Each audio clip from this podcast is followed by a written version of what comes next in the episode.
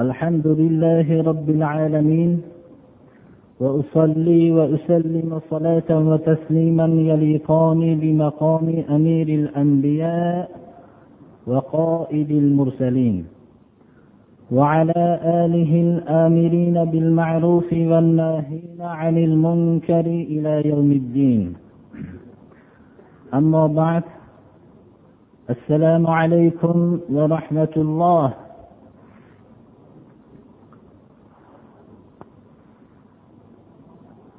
Janob rasululloh sollallohu alayhi vasallam qur'oni karimni ummatga ta'limi uchun ko'p targ'ibotlar qildilar. Bu targ'ibotlar qur'oni karimni bilgan kishilarning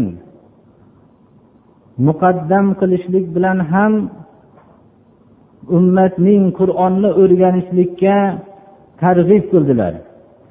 Hatto ularning uhud g'azotida ko'proq musulmonlarning qiyinchilik holatlari bo'lganligi uchun ba'zi kishilarga bir necha musulmon shahid musulmonlarga bir nechalarini ikkitadan uchtadan bir qabrga olib kirayotgan vaqtlarida ularning qur'onni ko'proq bilganligi qaysilari ekanligini so'rardilar.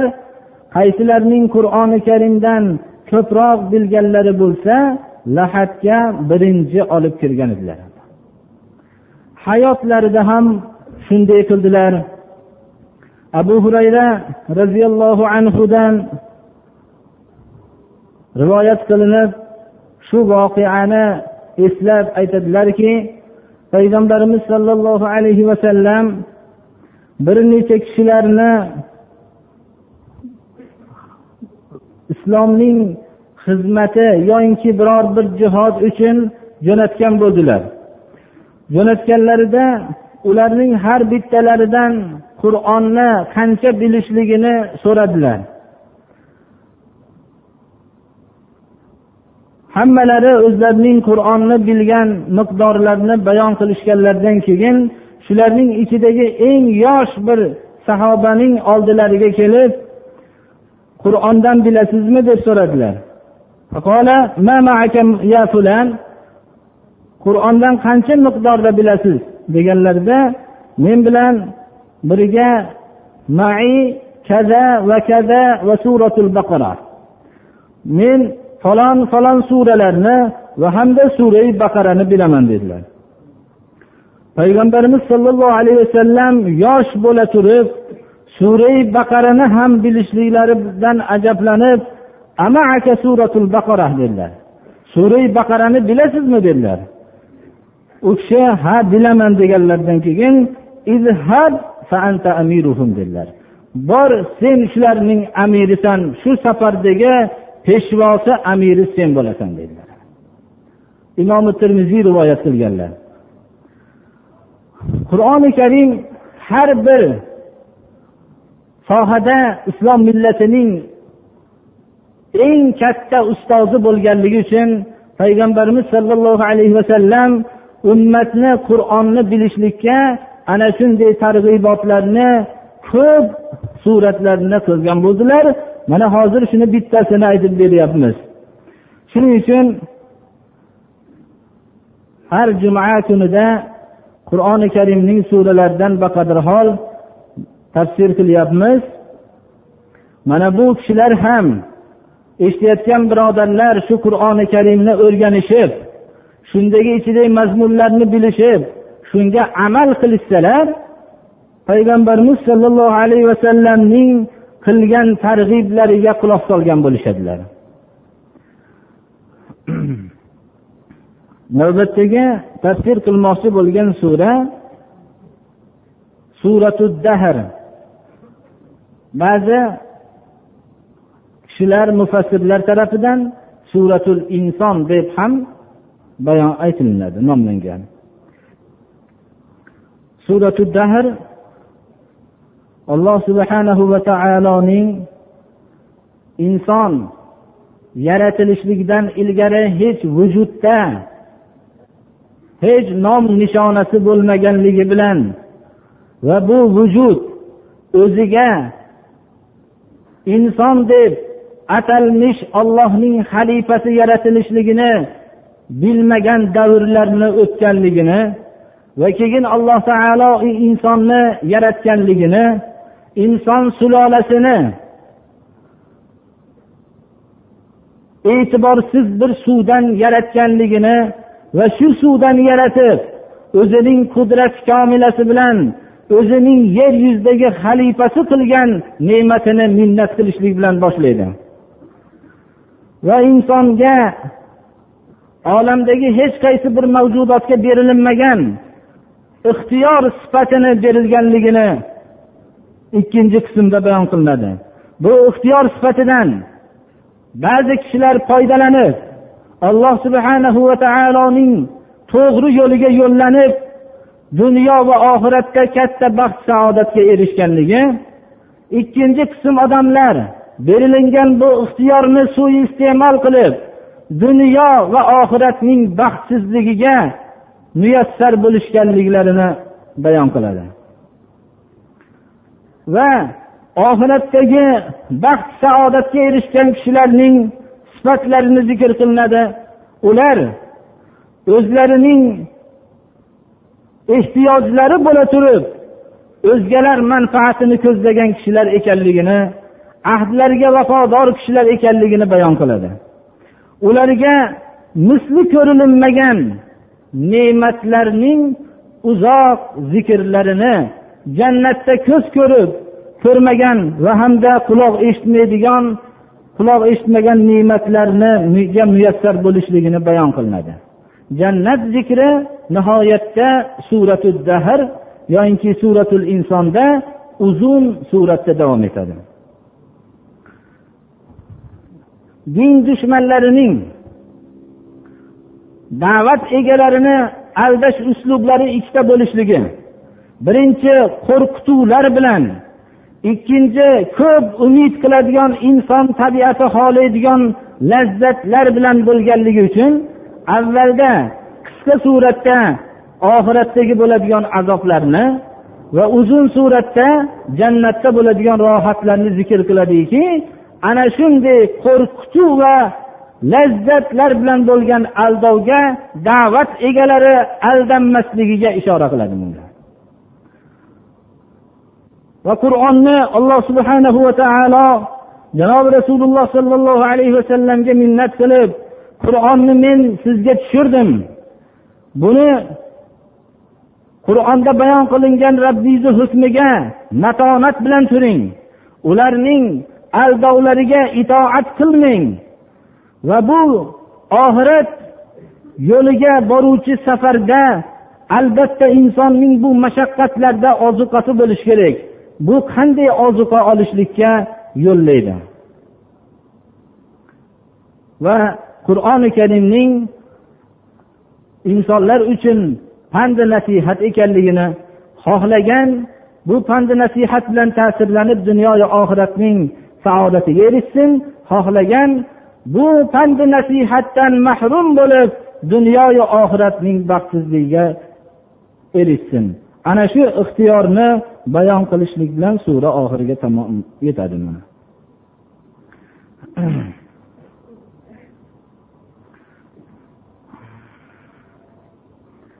بسم الله الرحمن الرحيم. هل أتى على الإنسان حين من الدهر لم يكن شيئا مذكورا؟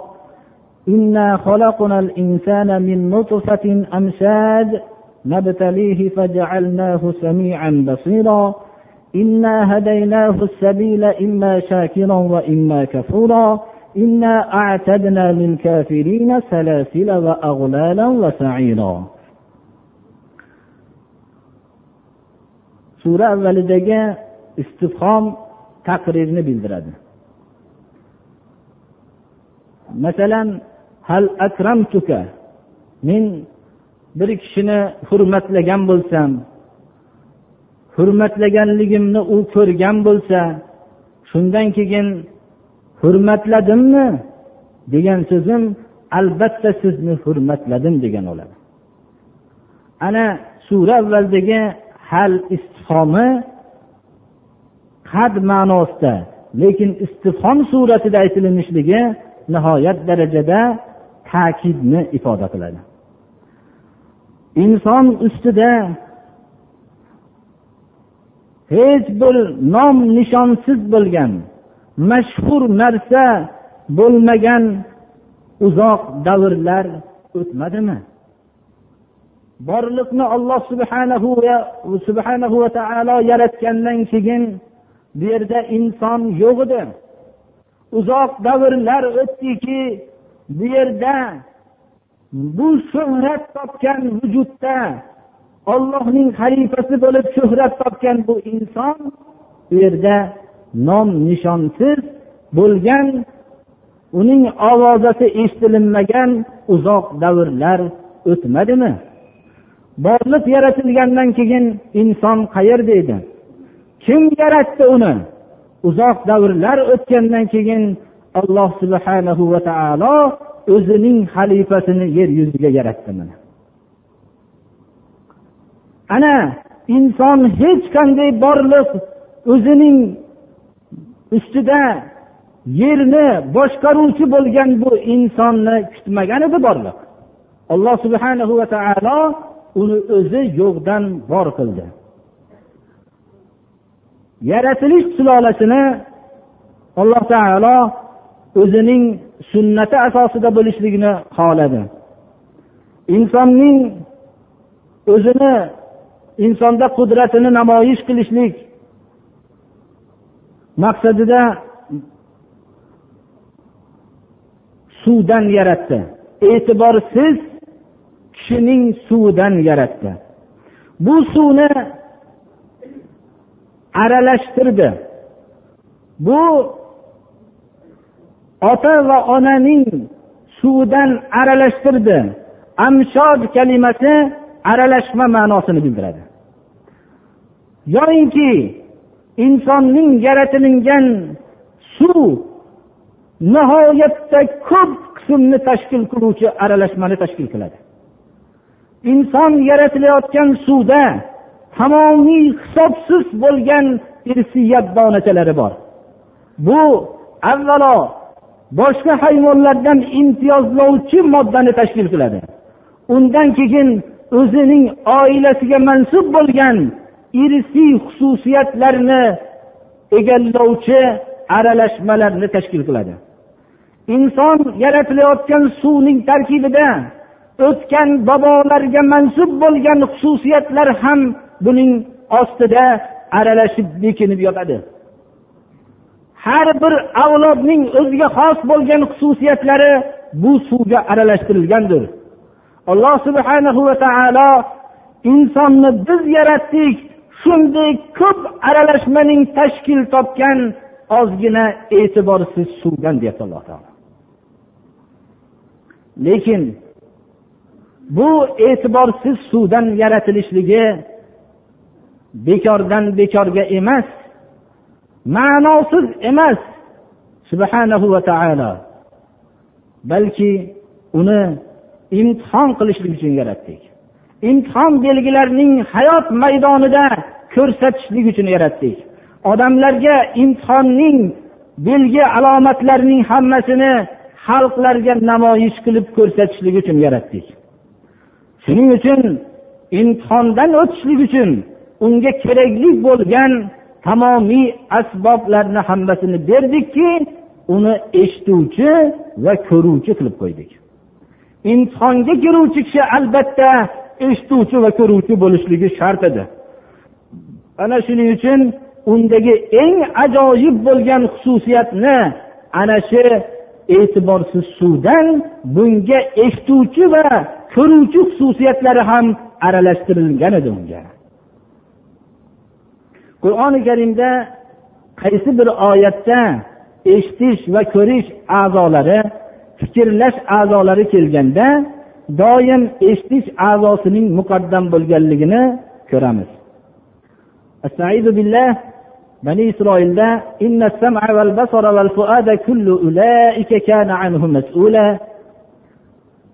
surai mulkda surai mo'minunda ham eshitish a'zosini ko'rish a'zosidan muqaddam bo'lganligi keladi. Va boshqa bir necha suralarda keladi. Va eshiti samian basiro kalimasi kelganda ham albatta qur'oni karimda sam ya'ni eshitish a'zosining muqaddam bo'lganligi guvohi bo'lamiz. Bu narsa mufassir ulamolar eshitishlik a'zosi bo'lgan kishi kamolot hosil qilishligi mumkin deganlar. Ko'rish a'zosidan mahrum bo'lsa ham eshitish a'zosi bo'lsa u albatta kamolot hosil qilishligi mumkin. Ammo ko'rish a'zosi bo'lsayu eshitish a'zosi bo'lmagan kishining kamolot hosil qilishligi juda qiyin bo'ladi bu narsa. Bu bir mazmun bo'lsa undan ham ilm rivojlangan sari qur'oni karim sirlari ochilaveradi. Alloh taolo qur'onda biz o'zimizning mo'jizotlarimizni xalqlarga ko'rsataveramiz. U mo'jizotlarimizning bir qismlari koinotda joylashgan bir qismlari o'zlarida joylashgan deydi alloh taolo. Hatto ular alloh taoloning yo'lini haq ekanligini bilguncha ko'rsataveramiz deydi. Mana ilm rivojlangan sari odamning yaratilishlik vaqtidagi birinchi paydo bo'lib olloh tarafidan yaratilinadigan a'zo eshitish a'zosi ekanligi ham ma'lum bo'lyapti birodarlar. Keyin ko'rish a'zosi ma'lum yaratilib keyin fikrlash uchun jon kirishligi ma'lum bo'lyapti mana. Mana bu narsa qur'oni karimda bir necha joylarda eshitish a'zosining muqaddam bo'lishligi vallohu alam shunga ishora bo'lsa kerak mana. Biz eshitish va ko'rish a'zolarini berib eshituvchi va ko'ruvchi qilib yaratdik.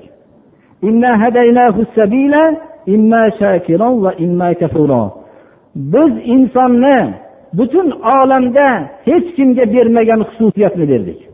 Uni to'g'ri yo'l nima ekanligini noto'g'ri yo'l nima ekanligini biladigan qilib shu yo'lga yo'llab qo'ydik. Botil nima haq nima buni biladigan tabiat bilan tabiatlantirdik. Maloikalarni ularning xohlasalar ham xohlashmasalar ham pok hayotda yashashadilar. Ular alloh subhana va taoloning ko'rsatmasidan tashqariga chiqisholmaydilar ularga ixtiyor sifatini bermadi alloh taolo. Butun hayvonot olamiga ham ixtiyor sifatini bermadi. Ular ham ular alloh subhana va taolo tarafidan tabiatlantirilgan tabiatdan tashqariga chiqisholmaydilar insonning hayotini ikkiga bo'ldi. Bir qismini majburiy hayot qildi boshqa mavjudotga o'xshagan. Inson u qismdagi hayotda ollohning ko'rsatmasidan ollohning tabiatidan tashqariga chiqolmaydi masalan inson ko'zi bilan ko'radi qulog'i bilan eshitadi. Uzoq muddat ko'zim bilan ko'rib charchadim endi qulog'im bilan ko'ray deyishlik ixtiyorida yo'q u bu hayotida boshqa mavjudot bilan mushtarakdir. Ikkinchi hayoti ixtiyoriy hayot berdi. Bunda haqni haq botilni botil deydigan tabiat berdi. Biz ana shu haqiqiy yo'lga yo'llab qo'ydik. Ba'zilar bu ixtiyoriy hayotdan foydalanib ollohning yo'liga yo'llanib ollohning ne'matlariga shukur qilib yashadi. Ba'zilar bo'lsa ollohning bu bergan ixtiyorini suiiste'mol qilib u yo'ldan to'g'ri hidoyat yo'lidan adashdi ollohning bergan ne'matlariga nonko'r bo'lib yashadi mana. Lekin hayotdagi bunday o'tgan ikkita surat qiyomat kuni ham ikki surat bilan jazolanadi. U olloh bergan ne'matlardan foydalanmasdan nonko'r bo'lib yashagan kofirlarga biz hozirlab tayyor qilib qo'ydik oyoqlarini bog'laydigan zanjir kishanlarni va bo'yinlarini bo'g'uvchi kishanlarni va shu oyoqu bo'yinlari bog'langan holatda yonib azoblanadigan quturgan o'tni hozirlab qo'ydik mana.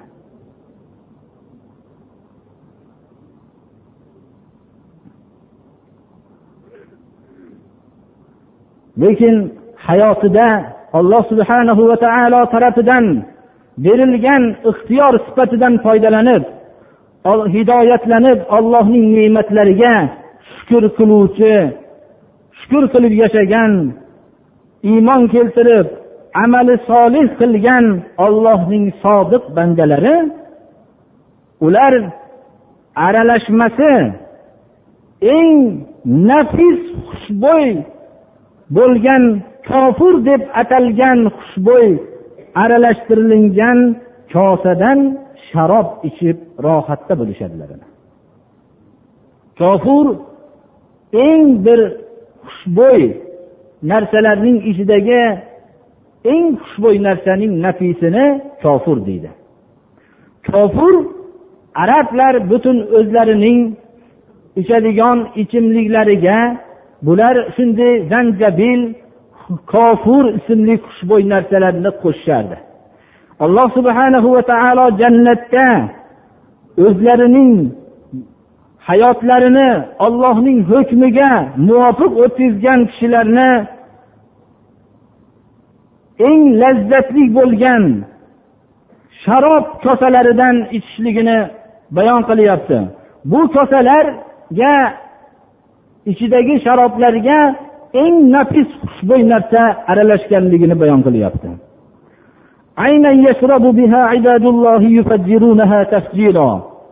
Bu kosalar ollohning bandalari ichadigan chashmaga botirilgandir.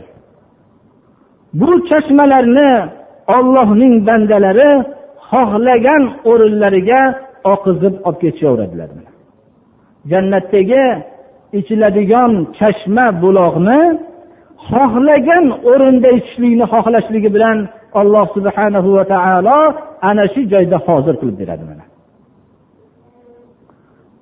bularning buncha rohatlariga erishishliklari hayotlarida bular ollohning haqiqiy bandalarining sifatlari bilan muttasif bo'lishganlar ويخافون يوما كان شره مستطيرا ويطعمون الطعام على حبه مسكينا ويتيما وأسيرا إنما نطعمكم لوجه الله لا نريد منكم جزاء ولا شكورا إنا نخاف من ربنا يوما عبوسا قمطريرا ular hayotdagi ollohga bergan ahdlariga nazrlariga komil vafodor bo'lishganlar ular hayotlaridagi ishlarini hammasini yomonligi keng miqyosda hamma atrofga taralgan undan qo'rqib ish qilishganlar. U kunning yomonligi faqat insondagina emas. Osmonning yorilishi mana osmonning yorilishligi tog'larning uchirilishligi yerning hammasi o'zining muvozanatdan chiqib cho'zilishligi mana hamma atrofda yomonligi ko'ringan dahshatli qiyomat kunidan qo'rqib amal qilishganlar bilan makka muhitida har bir johiliyatdagi bo'lgan fe'lga o'xshagan kambag'al kishilarning miskinlarning xususan yetimlarning haqlarini talon taroj qilinardi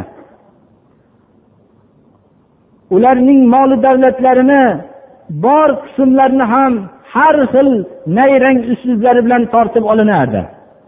Alloh taolo mana shu muhitda nozil bo'lgan shu oyatlarda mana ular bo'lsa ollohning haqiqiy bandalari taom yedirishadilar.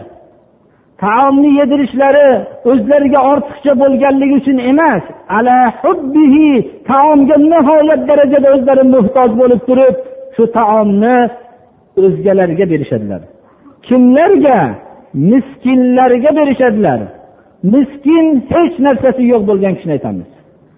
Yetimlarga berishadilar va asirlarni qo'llarida turgan asirlarni ham shularga berishadilar. Taomning ortiqcha bo'lganligi uchun emas o'zlari muhtoj bo'la turib shu taomga shuni berishadilar.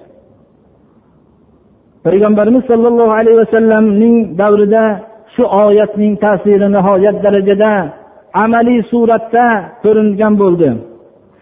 Taomga shunchalik muhtoj bo'la turib o'zlari bunga amal qilishganlarning nihoyat darajada bularning sanoqlari yo'q birodarlar. Ashoblarning bittalari uzoq vaqt ovqatlana olmagan ekanlar kasallik sababli baliq yemoqchi bo'lib baliqni pishirishlikni talab qildilar. Pishirib olib kelganlaridan keyin endi yemoqchi bo'lib turganlarida payg'ambarimiz sollallohu alayhi vasallamdan eshitgan bir so'zlari hadis sharif eslariga kelib agar kimki bir narsaga qattiq ishtaho qilib turib shuni boshqa bir muhtoj kishiga bersa do'zax o'ti harom bo'ladi degan so'zni eslariga keltirib endi uzoq vaqt kasallikdan turgan kishi aytgan ekanlarki bu baliqni falonchiga tushib beringlar dedilar. Hozirlaganlar aytishdilarki siz uzoq vaqt shunga muhtoj edingiz. U kishiga ham buni hozirlaymiz buni yeng dedilar. Aytdilar rasululloh sollallohu alayhi vasallamdan bir narsani qattiq ishtaho qilib turib birovga ilingan bo'lsa birovga bergan bo'lsa do'zax o'ta harom bo'ladi degan so'zni eshitgan edim. Hayotim bo'yicha shu hadisga amal qilishlikka menga sharoit bo'lmadi dedilar. Bugungi kun menga to'g'ri keldi. Men ovqatni bu darajada ishtaho qilmagan edim. Mana shu ishtaho qildimda shuni hozir ochib beringlar dedilar. Gap boshqa hozirlashinglarda emas menga dedilar. Men shu hadisga amal qilmasdan o'tib ketayotgandim deb taomga shunchalik muhtojlik bilan boshqa gap chiqdi berdilar u taom u taom chiqqan eshik ham rasulullohning tarbiyasi bilan o'sgan eshik edi. U kishi ham boshqa muhtoj kishiga beryubordilar u kishi ham boshqa muhtoj eshiga beryubordilar taom aylanib falonchi uzoq vaqtdan beri kasal edi shu kishi muhtoj edi ovqatga shu kishiga chiqaringlar deb taom yettinchi xonadon bo'lib qaytish xonadonga kirdi birodarlar. Taomning yaxshi ko'rib turib miskinga yetimga asirga beradilar deb maqtayotgan zotlar shular bo'lsa kerak.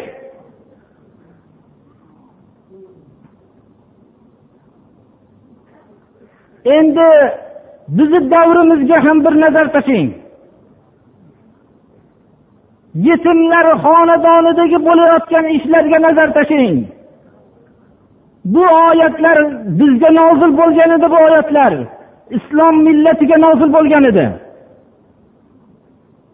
Bu yetimlar xonadonidagi bo'layotgan ishlarni biz ehson deb atamoqdamiz birodarlar. Hech bo'lmaganda biz tan olishimiz kerak edi. Biz xato qilyapmiz deb shu ishni qilishimiz kerak edi oxirgi martabamiz.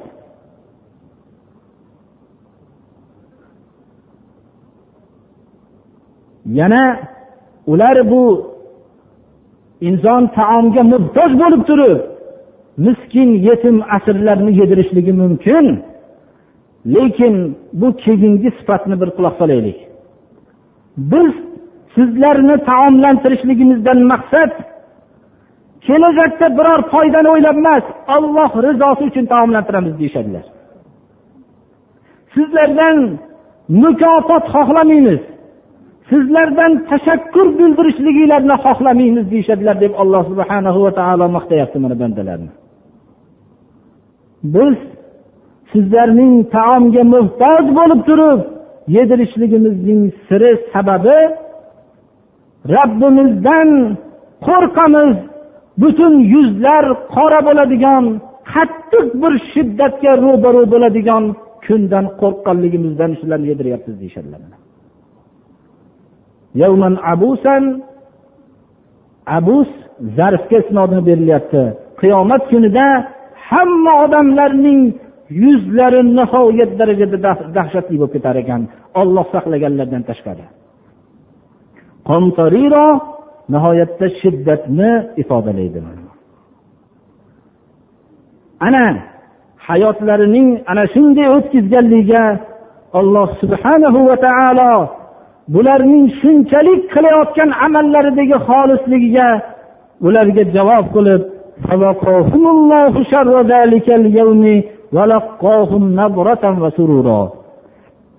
alloh taolo ularni bu kunning yomonligidan saqlashligi muqarrar.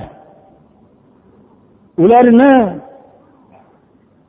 ularga hammaning yuzi qarab bo'lmaydigan darajada dahshatli holatda achinarli holatda turganda alloh taolo ularga yuzlariga chiroylilik va xursandlik bag'ishlaydi mana.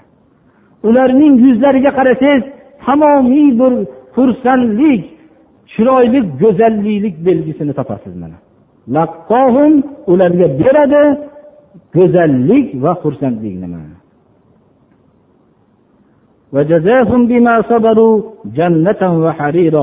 ularni mukofotlaydi. Dunyoda da'vat yo'lida islomga amal qilish yo'lida o'ziga tosh otilayotgan bo'stonlarga sabr qilib o'zining yo'lini o'zgartirmasdan ketgan zotlarni hammasini bog'lar bilan mukofotlaydi. Va hamda turar joylarining bog' qiladi. Jannat bog' ma'nosida. Bog' degan so'z turli hamma mevalardan tashkil topgan daraxtlik bo'lgan joyni bog' deymiz birodarlar. Agar bitta daraxtdan tashkil topgan joy bo'lsa uni o'zini nomi bilan nomlaymizki olma bog'i uzum bog'i deb aytamiz. Lekin bog' deganda hamma mevalarni o'z ichiga oluvchi daraxtlarni aytamiz mana. Ularning turar joylari bog' va kiyadigan kiyimlari ipakdir mana va hariro mana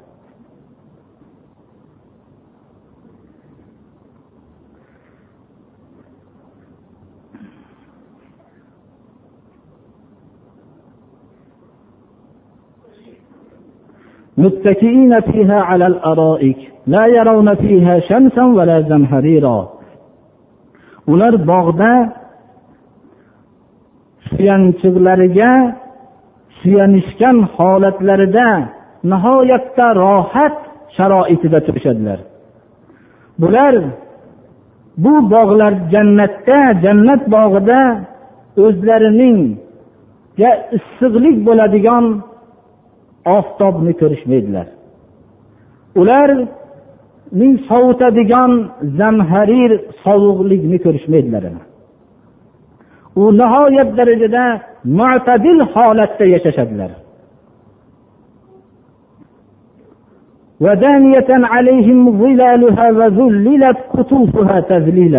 Ularga bu jannat bog'ining daraxtlarining soyasi nihoyat darajada yaqin qulay bo'ladi va ularga jannat bog'idagi mevalarning boshlari nihoyat darajada osonlashtirilib qulaylashtirib qo'yilgan bo'ladi xohlagan suratda olib yeyishaveradilar ويطاف عليهم بآنية من فضة وأكواب كانت قوارير قوارير من فضة قدروها تقديرا ularning atroflarida kumushdan bo'lgan idishlar bilan va tiniqlikda shishaga o'xshagan shisha bo'lgan qadahlar bilan doim xizmat qilinib aylanib turiladi. Aylantiriladi ularning atroflaridan ularning atroflaridan kumushdan bo'lgan idishlar aylantirib turiladi va shisha tiniqlikda shisha bo'lgan qadahlar bilan aylantirib turiladi. Bu shisha bo'layotgan shishalar kumushdan bo'lgan o'zi kumushdan qilingan tiniqlikda shisha manzilatidadir. Bularning sug'oruvchi xizmatkorlar har bittalariga nihoyat darajada keraklicha miqdorlab o'lchab olib kelishadilar ham idishlarni ham idishni ichidagi ichimliklarni nihoyat darajada miqdorlab oshmaydigan kamaymaydigan qilib olib kelishadilar ويسقون فيها كأسا كان مزاجها زنجبيلا jannat bog'ida bular aralashmasi zanjabil bo'lgan kosalar bilan sug'oriladi. Qur'oni karimda ba'zi joylarda mana xushbo'y kofur aralashtirilgan e, sharoblar bilan sug'oriladi. Ba'zi joylarda zanjabil kalimasi keladi. U bu doim takrorlanib turadi mana. Bu aralashmasi zanjabil bo'lgan kosalarni salsabil deb nomlangan nihoyatda ichishlik bo'lganligi uchun salsabil deb nomlangan chashmalarga botirilingan kosalar bilan sug'oriladi.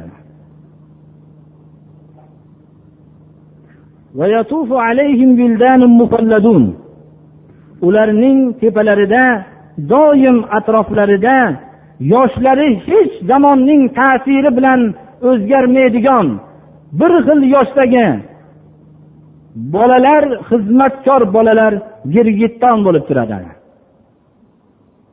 Agar agar siz bu bolalarni xizmat qilib yurgan bolalarni ko'rganingizda siz ularni yoyib qo'yilgan marvarid deb o'ylardingiz marvarid agar tanho o'zi qo'yib qo'yilinsa uncha go'zal bo'lmas ekan.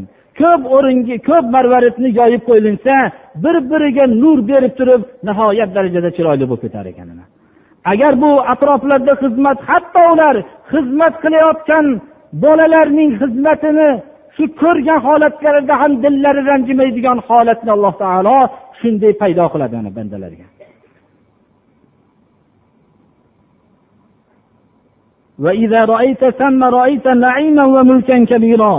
agar siz jannatdagi o'rinda jannatdagi narsalarni ko'rganingizda nihoyat darajada ajoyib ne'matlarni ko'rardingiz va keng ko'lamdagi mulkni ko'rgan bo'lardingiz عاليهم ثياب سندس خضر واستبرق وحلوا أساور من فضة وسقاهم ربهم شرابا طهورا ularning tepalarida chiroyli yupqa ipakdan bo'lgan kiyimlar va hamda qalinroq ipakdan bo'lgan kiyimlar turadi. Ular kumushdan bo'lgan bilaziklar bilan ziynatlangan. Biz odamlar o'zlarining bilazik taqishligini tasavvur qilolmaymiz lekin hamma ne'matlar muyassar bo'lgandan keyin odam qo'liga bilazik taqishlikni ham tabiati bor. Bu hayotda ham ko'ringan. Mana fors viloyatining qo'mondonlari fors viloyatining butun boshliqlari bular doim bir xirojga mamlakat xirojlariga barobar keladigan qiymatbaho bilaziklarni taqishganlarini bu narsa jannatdagi hamma ne'matlarga g'arq bo'lgandan keyin insonning tabiatini shu narsalarni xohlagan bo'lsa bu narsalar ham kumushdan bo'lgan bilaziklar bilan ziynatlanishadilar. Ba'zi oyatlarda ba'zi joylarda bo'lsa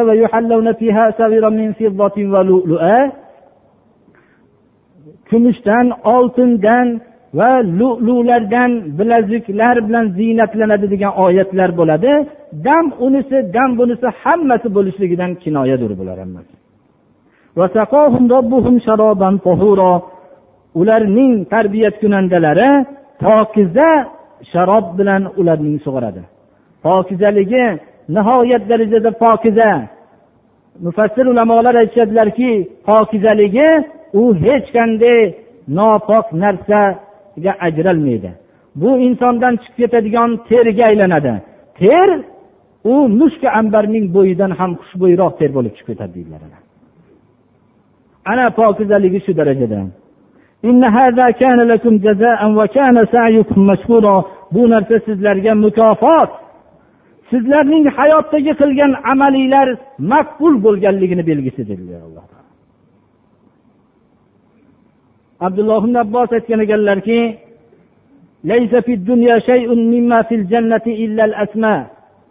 jannatda bo'lgan zikr qilingan narsalardan birortasi dunyoda yo'q degan ekanlar.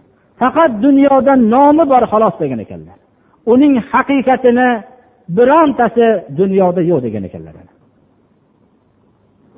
hadisi qudusiylarda keladiki أعددت لعبادي الصالحين ما لا عين رأت ولا أذن سمعت ولا خطر على قلب بشر men o'zimning solih bandalarimga deydi alloh taolo ko'z ko'rmagan quloq eshitmagan inson qalbiga kelmagan narsalarni hozirlab qo'yganman deydi.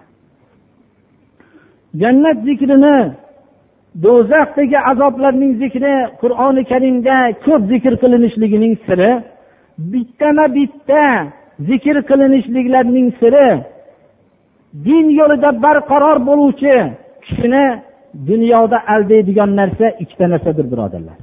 Bittasi qo'rqitilinadi. Har xil qo'rqituv asboblari bilan qo'rqitiladi. Yo'ldan qolishlik uchun yo'ldan chiqarishlik uchun. Alloh taolo shuning uchun oxiratdagi o'zining yo'lidan qaytganga hozirlab qo'ygan azoblarni ham bittama bitta zikr qiladiki ana shu vaqtdagi azobni esga olib bu yo'ldan dunyoda qaytmasin deb. Ikkinchi aldash surati rag'batlanuvchi qiziquvchi narsalarni banda ro'barosiga olib kelinadi. Shunda bittama bitta lazzatlarni olib keladi. Shuning uchun oxiratdagi keltirilingan lazzatlar ham bittama bitta zikr qilinyaptiki banda dunyo lazzatiga aldanib oxirat lazzatidan mahrum bo'lib qolmasin deydi ibn rabia payg'ambarimiz sollallohu alayhi vasallamning yo'ldan hech qaytarolmagandan keyin aytdiki ey muhammad yo'lingdan qayt dedi. Agar yo'lingdan qaytsang men bilasanki quraysh xalqining ichida eng qizi chiroyli bo'lgan kishilardanman. O'zimning qizimni senga nikohlab qo'yaman dedi. Ana payg'ambarimiz sollallohu alayhi vasallamga rabia shunday dedi valid ibn muhira bo'lsa ey muhammad yo'lingdan qaytgin. Men moli davlati eng badavlat kishiman. Agar sen yo'lingdan qaytsang tamomiy badavlat bo'lgan moli davlatimni beraman bo'ldi deguningcha dedi.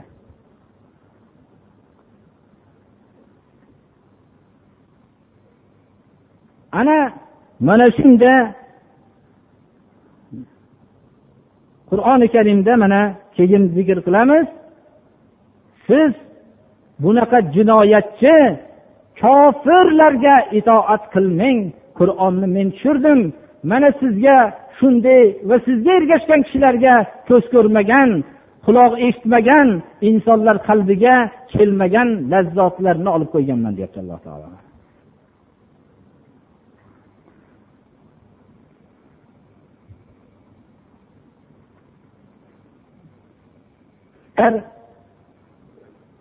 Agar payg'ambarimiz sollallohu alayhi vasallamning davrida u kishining davrlarida haqiqatni gapirib jannatdagi zikrlarni eshitganda din dushmanlari masxara qilishar ekan. Bir ashobi ikromlardan bittalarining bir kishiga ma'lum bir miqdorda moddiy boyliklarni bergan ekanlar qarzga shuni qarzni so'rab borsa u valid bo'lgan. Valid aytdiki muhammad senga oxiratda juda ko'p jannatdagi rohatlarni va'da qilyapti. Shu yerga borganimda ana shundan beraman senga ham dedi. Jannatni zikrlarini ana shu payg'ambarimiz sollallohu alayhi vasallamning davridagi mushriklar dinsizlar ham do'zaxdagi azoblarni eshitishganda masxara qilishgan. Hozirda ham shunday masxaralarga duchor bo'linishligi mumkin birodarlar. Uning sababi bu bizga aniqki ular oxiratga iymon keltirmaganliklaridan shunaqa bo'lishadi. Lekin jannatning birma bir zikr qilinishligi nihoyatda mo'min odam uchun nima hikmat borligini mana aytib o'tdik. Do'zaxdagi azoblarni ham birma bir zikr qilinishligi uni ham hikmatini aytib o'tdik. Chunki bizning yo'ldan qaytaruvchi narsa qo'rqituvchi va qiziqtiruvchi narsa bo'ladi mana. Shuning uchun qur'oni karimni tilovat qilganimizda har qanday oldimizda turgan tashvishdan yoki har qanday qiziqtiruvchi narsaga aldanmaslikni qur'ondan o'rgangan bo'lamiz alloh taolo shu oyat kalimadagi mazmunlarni qalbimizga jo qilsin. Dunyoda din yo'lida ketayotganimizda qo'rqituvchi yo qiziqtiruvchi narsalarga aldanib qolishlikdan alloh taolo o'zi saqlasin اهدنا الصراط المستقيم صراط الذين أنعمت عليهم غير المغضوب عليهم ولا الضالين اللهم أرنا الحق حقا وارزقنا اتباعه وأرنا الباطل باطلا وارزقنا اجتنابه الله أكبر amin alloh taolo to'g'ri yo'ldan chiqarmasin allohu akbar الحمد لله الذي نزل الفرقان على عبده ليكون للعالمين نذيرا الذي له ملك السماوات والأرض ولم يتخذ ولدا ولم يكن له شريك في الملك وخلق كل شيء فقدره تقديرا واتخذوا من دونه آلهة لا يخلقون شيئا وهم يخلقون ولا يملكون لأنفسهم ضرا ولا نفعا ولا يملكون موتا ولا حياة ولا نشورا.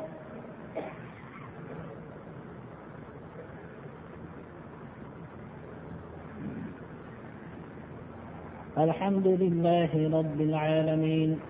والصلاة والسلام على رسوله خاتم الأنبياء والمرسلين وعلى آله وأصحابه أجمعين.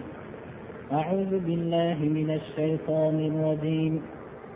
إن الله وملائكته يصلون على النبي. يا أيها الذين آمنوا صلوا عليه وسلموا تسليما. اللهم صل على محمد وعلى آله وأصحابه أجمعين. بارك الله لي ولكم في القرآن العظيم ونفعني وإياكم بما فيه من الآيات والذكر الحكيم. إنه هو الغفور الرحيم.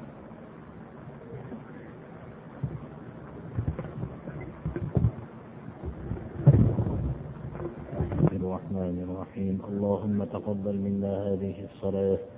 واعف عنا مع جميع نقصاناتها بفضلك وكرمك يا أكرم الأكرمين ويا أرحم الراحمين. اللهم إنا نسألك العفو والعافية في الدين والدنيا والآخرة. اللهم يسر لنا أمورنا أمور الدنيا والآخرة وأجرنا من خزي الدنيا وعذاب الآخرة. taolo shu yerdagi ishlarimizni bir rivoj berib shu jami masjidimiz bir keng bo'lib shuni olib ketsin alloh taolo hammalari bir yaxshi ixlos bilan duo qilib tursinlar ربنا آتنا ما وعدتنا على رسلك ولا تخزنا يوم القيامة. إنك لا تخلف الميعاد. اللهم انصر من نصر الدين واخذل من خذل الدين. اللهم أعز الإسلام والمسلمين وأذل الشرك والمشركين. وصلى الله تعالى على خير خلقه محمد وآله وأصحابه أجمعين. الله أكبر. أعوذ بالله من الشيطان الرجيم. بسم الله الرحمن الرحيم. إن الأبرار يشربون من كأس كان مزاجها كافورا. عينا يشرب بها عباد الله يفجرونها تفجيرا.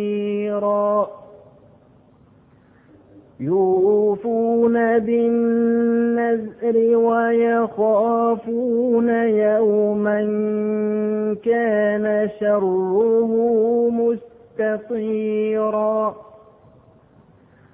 ويطعمون الطعام على حبه مسكينا ويتيما وأسيرا إنما نطعمكم لوجه الله لا نريد منكم جزاء ولا شكورا. إنا من ربنا يوما عبوسا قمطريرا فوقاهم الله فوقاهم الله شر ذلك اليوم ولقاهم ولقاهم نضرة وسرورا سبحان ربك رب العزة عما يصفون وسلام على المرسلين والحمد لله رب العالمين. آمين. اللهم تقبل منا إنك أنت السميع العليم. ربنا اغفر لنا ولإخواننا